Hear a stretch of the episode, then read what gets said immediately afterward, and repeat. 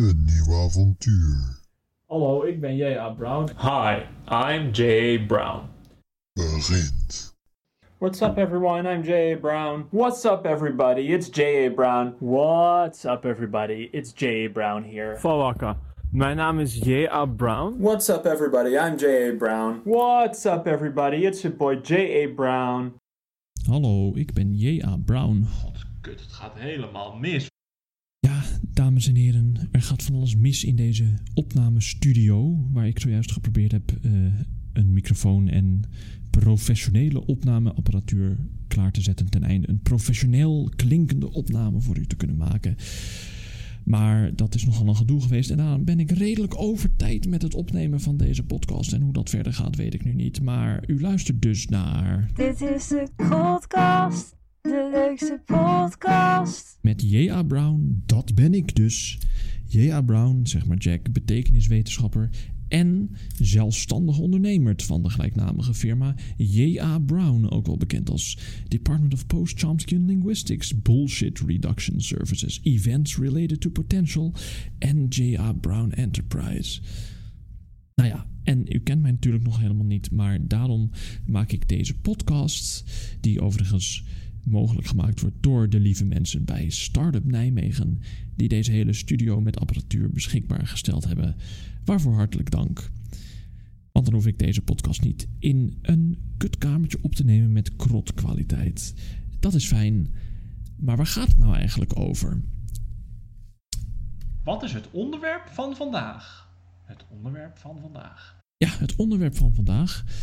Nou, mensen vragen mij wel eens, Jack, dat bedrijf van jou, wat doet dat nou eigenlijk? En dan moet ik iedere keer uitleggen dat ik meerdere activiteiten heb en wat dat dan precies inhoudt. En op een gegeven moment dacht ik, weet je wat, ik maak er gewoon een podcast over, dan kan ik het eens een keer goed uitleggen. Over wat mijn bedrijf doet en de voortgang van al die leuke bedrijfsactiviteiten. En dan kan ik zelfs af en toe leuke gasten uitnodigen om eens te praten over interessante onderwerpen die ik interessant vind en die ik voor het voetlicht wil brengen, zoals dat dan heet. Nou, wat doe ik? Behalve dat ik dus beschikbaar ben voor vertaling, tekstschrijven, website ontwerpen, website bouwen en dergelijke via J.A. Brown Enterprise, ben ik dus ook de werelds eerste betekeniswetenschapper. We do not primarily live in a world of objects, but in a world of meanings. Betekeniswetenschap, kent u die uitdrukking?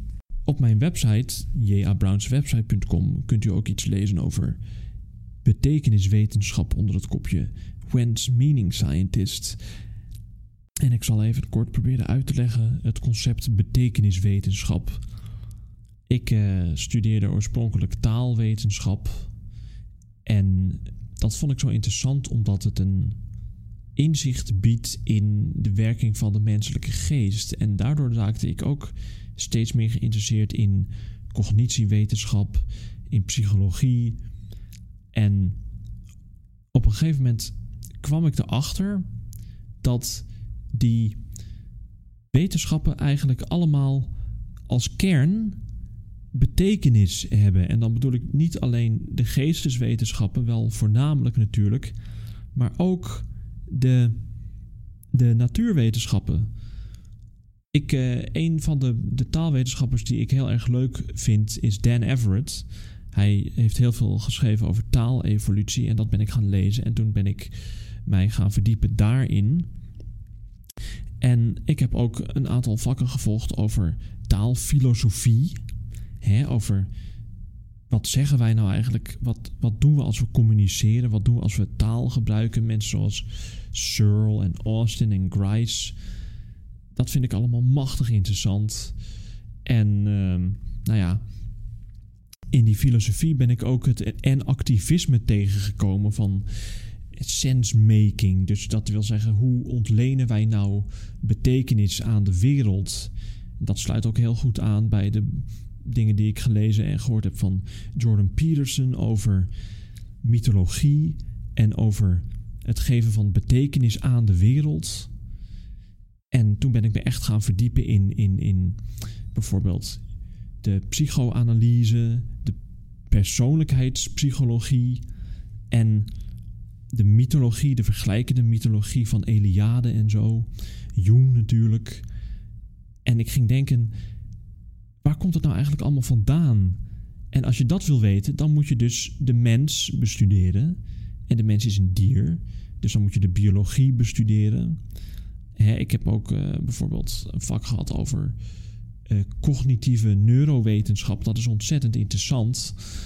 Eh, dat, dat heeft te maken met welke delen van ons brein nou geschikt zijn of gebruikt worden voor, voor cognitie. En dan krijg je weer vragen als wat is cognitie nou eigenlijk? Wat is de geest? Bijvoorbeeld bij Philosophy of Mind heb ik dat gehad. Zeuze interessant. En eh, nou ja, je hebt het welbekende probleem van hoe brengt de geest uh, bewustzijn voort. En dan heb je weer andere mensen die zeggen dat het, dat, dat helemaal niet zo zit. Dat de uh, hersenen helemaal niet het bewustzijn voortbrengen. Maar dat bewustzijn er eigenlijk altijd is. En ik begon te denken, eigenlijk zou je al die verschillende invalshoeken van al die wetenschappen, zowel natuurwetenschappen als geesteswetenschappen, moeten hebben om te verklaren wat, de, wat nou eigenlijk het mens zijn is en wat betekenis is. Omdat als je naar de evolutie gaat kijken, dan zie je ook hoe de mens geëvolueerd is voor betekenis. En niet alleen de mens, maar überhaupt het leven op aarde. Dingen als waarneming bijvoorbeeld. Dat is geëvolueerd om een bepaald doel te hebben. Om uh, ja, doelen zoals je voortplanten en zo en overleven. Dat is natuurlijk het ultieme doel. Maar op de weg daar naartoe heb je ook allerlei, allerlei doelen. Zoals zelfontplooiing en meer uh, doelen die meer uh, aan de orde van de dag zijn. En daarom is onze, ons waarnemen geëvolueerd voor dus die doelen. En um, ik heb van Victor Grauer geleerd. Victor Grauer, dat was de assistent van Alan Lomax. Dat is iemand die de volksmuziek in verschillende landen opgenomen heeft. En Victor Grauer heeft daar een boek over geschreven. En in dat boek beweert hij eigenlijk dat culturen conservatief zijn. Het, het, het, punt van het boek is eigenlijk dat bepaalde muziekstructuren tienduizenden jaren vrijwel onveranderd zijn doorgegeven. En hoe hij daarachter komt, dat, dat kwam dus omdat hij met Lomax een bepaald systeem had ontworpen om uh, muziekstijlen te kwantificeren op allerlei onderdelen. En als je daarmee de muziekstijlen gaat vergelijken van de volksmuziek over de hele wereld, dan kom je erachter dat er heel veel overeenkomsten zijn. Maar hij heeft zich er echt in verdiept. En ook in de, de archeologie, bijvoorbeeld wat voor huizen de mensen bouwen, daar zie je ook heel veel overeenkomsten. En eigenlijk heb je twee stromingen daarin uh, van wetenschappers die zeggen: ja, mensen hebben zich gewoon meerdere keren op dezelfde manier aangepast aan de omgeving, dezelfde uitvindingen gedaan. Zeg maar een soort convergente evolutie. En je hebt ook mensen die zeggen, of diffusie heet dat geloof ik. Uh, nee, diffusie is dus dat het van de ene cultuur verspreid wordt naar andere culturen. Bijvoorbeeld omdat ze uh, een volk een ander volk binnenvalt of zo. Maar je hebt dus ook mensen zoals Victor Grauer die zeggen: nee, heel veel van die dingen zijn vrijwel onveranderd overgeleverd. En daarvan heb ik geleerd dat je ook de archeologie erbij moet betrekken. En de muziekwetenschap, de muzikologie en de genetica. En dat zijn allemaal stukjes, invalshoeken, zeg maar, over hoe je het menselijk bestaan kunt, kunt verklaren. Want ik, ik vind al die inzichten uit verschillende wetenschappen heel interessant. Maar als ze niet met elkaar in verband worden gebracht, dan blijft het beperkt tot, tot dat ene gebied. En dan zie je niet het geheel. En ik probeer dus als betekeniswetenschapper een beetje, nou ja, hoe zal ik het zeggen? Ik probeer dat een beetje te promoten, dat we dus die inzichten uit verschillende wetenschappen, die soms misschien op het eerste gezicht weinig met elkaar te maken lijken te hebben, moeten combineren. Dus verwacht zeker in deze podcast af en toe dingen gerelateerd aan betekeniswetenschap met interessante inzichten uit de wetenschap en filosofie. Um, en dan gaan we door met het volgende, want behalve het zijn van betekeniswetenschapper, ben ik ook nog iemand die zich eigenlijk bezighoudt met media, met audiovisuele dingen, zoals bijvoorbeeld deze podcast. Maar ik ben ook bezig met het organiseren van virtuele evenementen en dat doe ik met Events Related to Potential. In a world where not the France family, but the French rule the roost at stock car racing. 13 manufacturers, over 80 full-time entries, 36 races in 18 countries, one champion. This is the FISA World Stock Car Championship. Coming soon, only on events related to potential. Het wereldkampioenschap voor stokwagens, kent u die uitdrukking? Kent u die uitdrukking? Dat is te zien op mijn kanaal JB Gaming op YouTube. U kunt de link vinden op mijn website en ook op mijn andere YouTube-kanaal JA Brown. Waar ik trouwens ook nog andere dingen heb, zoals hoedvlogs en beschouwingen over maatschappelijk relevante onderwerpen, vrijheid van meningsuiting en dat soort dingen. En ik ondervind trouwens hinder van het feit dat YouTube geen eh, custom URL geeft voor je kanaal. Wat me bij het volgende onderdeel brengt. Ik ondervind hier hinder van. Ik ondervind hier hinder van. Ik ondervind hier hinder van. Ik ondervind hier hinder van. Waarvan ondervindt J.A. Brown vandaag hinder? Nou, eh, zoals ik al zei, ik heb al een hele tijd 100 abonnees, meer dan 100 abonnees op YouTube. En volgens YouTube zelf kom je dan in aanmerking voor een custom, een zogenaamde persoonlijke aangepaste URL. En eh, die heb ik gewoon nog steeds niet, ondanks dat ik hem al een hele tijd aangevraagd heb. Dus dat is hinderlijk, ouwe, van YouTube. Maar goed, ik was aan het vertellen over het FISA Wereldkampioenschap voor stokwagens, oftewel het FISA World Stock Car Championship. Dat is dus een virtueel kampioenschap van stokwagens. Het is een combinatie van verschillende soorten auto's, zoals NASCAR, Stock Car Brazil en Turismo Carretera. En die rijden tegen elkaar op verschillende banen. En het eerste seizoen zult u kunnen zien uh, via JB Gaming, dus op YouTube, maar ook op Twitch. En via Locals. Locals, dat is een soort Patreon waar je je kunt abonneren en kunt doneren, maar dan met meer vrijheid van meningsuiting. Dat is uh, Dave Rubin's dingetje.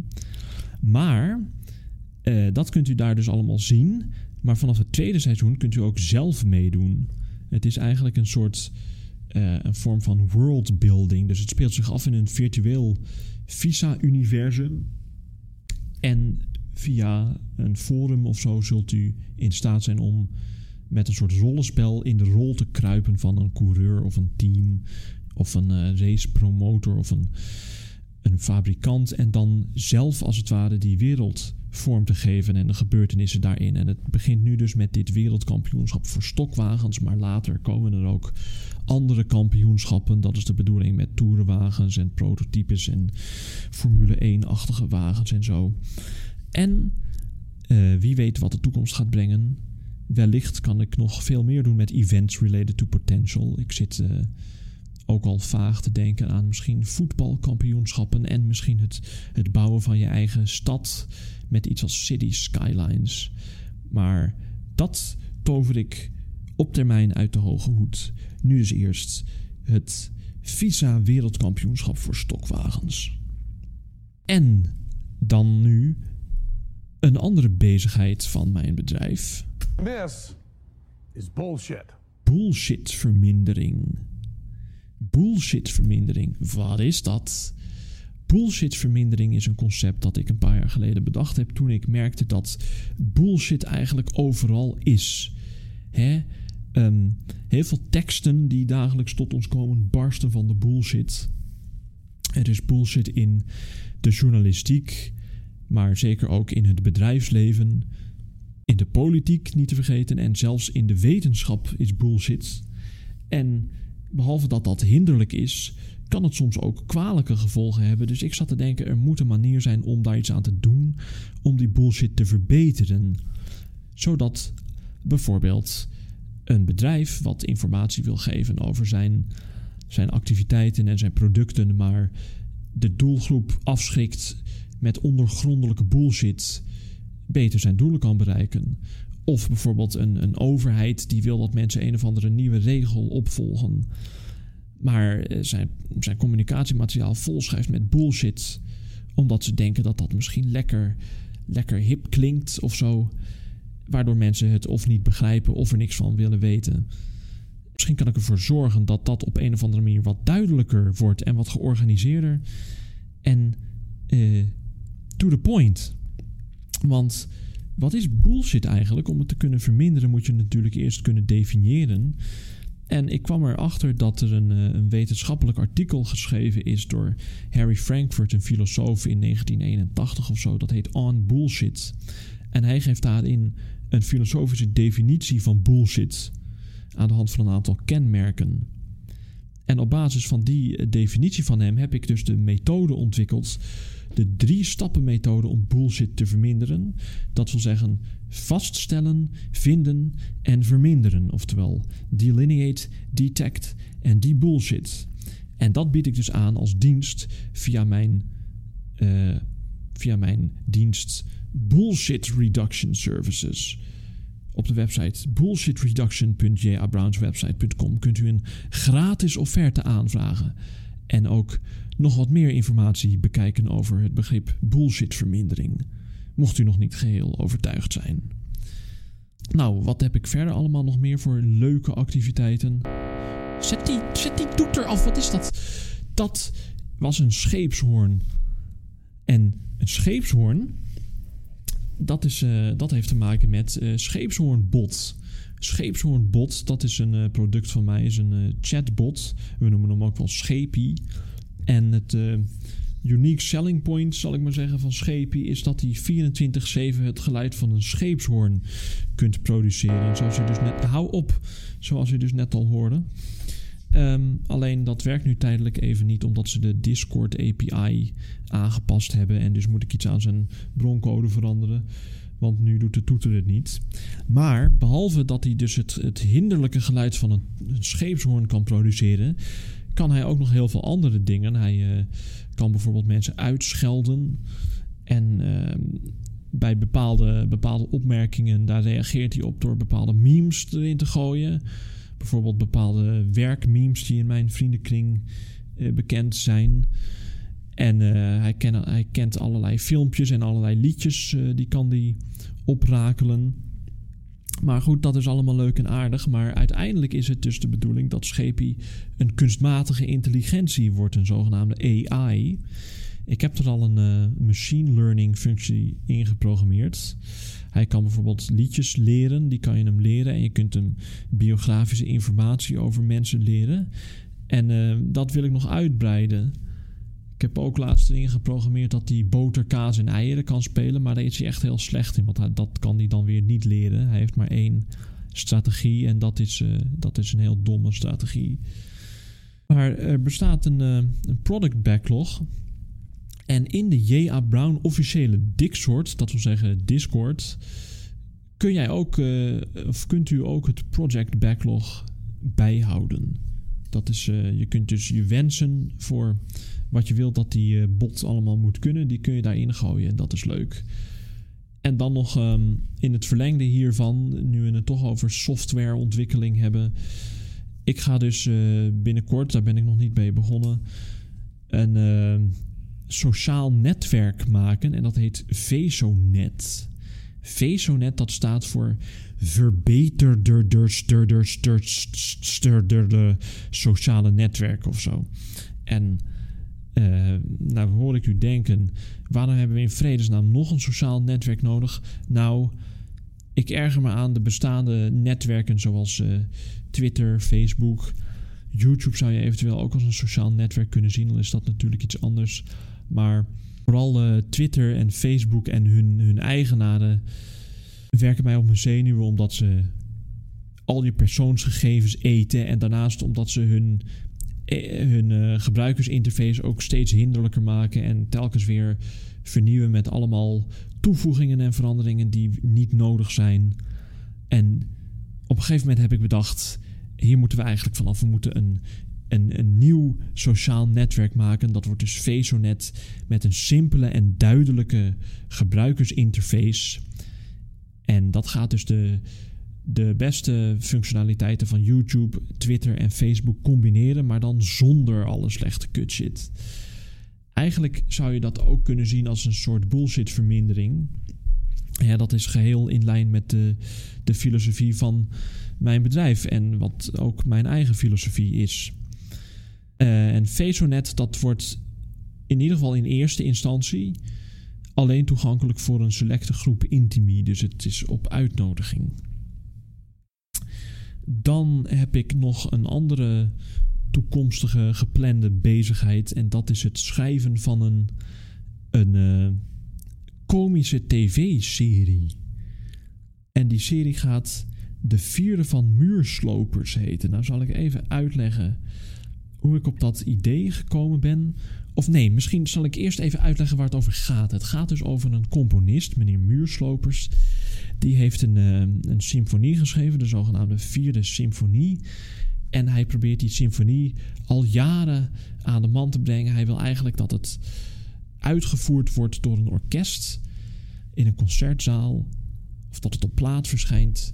Maar eigenlijk is die symfonie helemaal niet zo goed. Hij is dus een gefaalde componist, een soort anti-held. En uh, die serie gaat dus over zijn pogingen om die symfonie aan de man te brengen. Hij uh, papt bijvoorbeeld aan met een hele rijke filantroop. Die heet Gerard van de G-krant. En die praat heel erg langzaam. Maar ondertussen worden al die plannen een beetje in het honderd geschopt. Doordat er een nieuwe ziekte zich verspreidt over de wereld. Uh, zeg maar gerust een pandemie. De zogenaamde ziekte van Krombacher. Waarvan je totaal kaal en geheel scheel wordt. En uh, er is wel een vaccin beschikbaar tegen die ziekte, maar dat kan alleen toegediend worden door genetisch gemodificeerde vliegen slash muggen. Dat is een uh, uitvinding van de nogal corrupte minister Dick Bovenop van Volksgezondheid. In samenwerking met de farmaceutische industrie en professor Dr. Mon van der Golien. En uh, ja, dat vaccin moet dus toegediend worden aan uh, muzikanten, zodat zij nog überhaupt hun vak kunnen uitvoeren. Maar er is ook heel veel weerstand tegen van verschillende, verschillende mensen in de samenleving. Bijvoorbeeld van uh, nieuwslezeres Marietje Jodokussen Uitbouwer. Nou ja, en al die beslommeringen van die mensen worden dan gevolgd. Uh, er is ook een figuur die heet Mark Jeroen van Hout. En dat is een IT-consultant. Die werkt voor de inspectie Leefomgeving en Transport. En die is verantwoordelijk voor formulieren voor de meldingen van illegaal wegwerpplastic. En uh, dat is een enorme lul die altijd een of ander excuus heeft van waarom het weer net niet werkt of nog even duurt. En uh, zeer tot ergernis overigens van de heer Puffelen van de politie Amsterdam-Amsteland. Die de meldingen van illegaal wegwerpplastic moet verwerken. Maar dat doet het steeds niet omdat die, die software zo kut is. En uh, Mark Jeroen van Hout die leeft ook zeer in onmin met zijn vader Boro van Hout. Uh, bijvoorbeeld omdat hij tegen het vaccin is, tegen de ziekte van Krombacher. En Boro is daar wel zeer voor. En die vindt het idioot dat Mark Jeroen zich niet wil laten vaccineren. En überhaupt dat het zo'n lul te behangen is. En eigenlijk wil Boro zijn zoon daarom onterven. En dat leidt ook nog tot allerlei, allerlei intriges. En al deze personages gaan dus met elkaar in contact komen. En uh, het is eigenlijk deels een satire op het werkleven in de IT, maar ook een satire op de aanpak van de coronapandemie. En, uh, maar eigenlijk, en dat brengt me meteen op uh, de, de, de oorsprong van deze serie. Eigenlijk is het voornamelijk een, een, een. Het plot is eigenlijk een kapstok om allerlei melige humor aan op te hangen. En allerlei verwijzingen naar bestaande, bestaande comedy-series, bijvoorbeeld. Jiske Vet en zo. Maar ook zeker de programma's van Wim T. Schippers. Van wie ik een ontzettende fan ben. Hij maakte bijvoorbeeld uh, De Lachende Scheerkwast. Leuke. En de Barend Servet, uh, Barend is weer bezig. De Fred Haché Show, chef van Oekels Discohoek natuurlijk. En hij staat bekend om zijn lijpe, lijpe absurdistische situaties en waarachtige oninteressantheid. Hè, Schippers was natuurlijk ook een, of is een kunstenaar die volgens de de stroming Fluxus werkt, wat allemaal gaat over het, het, zeg maar uitvergroten van de lulligheid in, in het bestaan. En hij zegt over betekenis gesproken, hij zegt de zin van het leven is de zin die je er zelf aan geeft. Want eigenlijk het leven op zich heeft geen zin. En hij in zijn, in zijn comedy-programma's toont hij ook altijd de, de, de idiotie eigenlijk van het menselijk bestaan en de menselijke communicatie. En ik ben zwaar fan van die gozer al enkele jaren. En uh, laatst voor zijn tachtigste verjaardag ben ik met mijn uh, assistent naar het Willy Dobbelplantsoen gegaan. Bekend uit de serie De Lachende Scheerkwast en andere series. Op zoek naar Jolanda en zo. En uh, om zijn tachtigste verjaardag te vieren, hoe dat is gegaan, kunt u overigens ook zien op mijn YouTube-kanaal. Ehm en bij wijze van eerbetoon wil ik dus deze, deze serie maken, wat eigenlijk een beetje een pastiche wordt. Met heel veel verwijzingen naar zijn stijl en zijn humor, maar dus ook naar andere dingen zoals uh, Van Koten en de Bie en al die, al die bekende vaderlandse absurdistische humor. Uh, maar goed, uh, voordat daar opnamen van gemaakt worden, als dat ooit al lukt, gaat nog een hele tijd duren. Het doel is nu om één pilot-aflevering te maken, om die vervolgens aan te bieden aan enkele omroepen. En uh, momenteel ben ik bezig met het schrijven van het scenario. Het is de bedoeling dat als het allemaal lukt, dat het dan één of twee seizoenen worden met zes tot acht afleveringen per seizoen. En uh, nu ben ik dus het scenario aan het schrijven en de voortgang daarvan kunt u beluisteren in deze podcast, zo nu en dan. Nou, over al deze bezigheden en producten en diensten heb ik een, uh, een wiki gemaakt. Dus een, uh, een soort encyclopedie, net als Wikipedia, met encyclopedische artikelen over mij en over al deze dingen. En ook de dingen die ik in het verleden gedaan heb. Uh, en die wiki uh, is een onderdeel van mijn website, wat momenteel afgeschermd is. Maar er komt zeer binnenkort een publieke, openbare versie waarin u dat dus allemaal kunt lezen. Dus hou dat zeker in de gaten. Uh, en nu ik toch de geschiedenis van mijn bedrijf erbij heb gepakt. Uh, vroeger heb ik op de radio gewerkt. Dat was voordat ik dit bedrijf had. En dat was wel heel leuk. En dat zou ik wel weer willen doen. Dus ik ben nu dus bezig met het opnemen van een podcast. Dat is nieuw, dat is een heel avontuur. En uh, wellicht in de toekomst ook weer radio-uitzendingen, dus live maken met uh, playlijsten die ik zelf bij elkaar gecureerd heb en zo. Um, dat deed ik vroeger ook. Maar daarover vertel ik volgende week in. Dit is de podcast, de leukste podcast. Want dan gaat het over de geschiedenis van mijn projecten. Dat dus volgende week. Want we zijn alweer aan het einde gekomen van deze uitzending. En tot die tijd een spannend muziekje.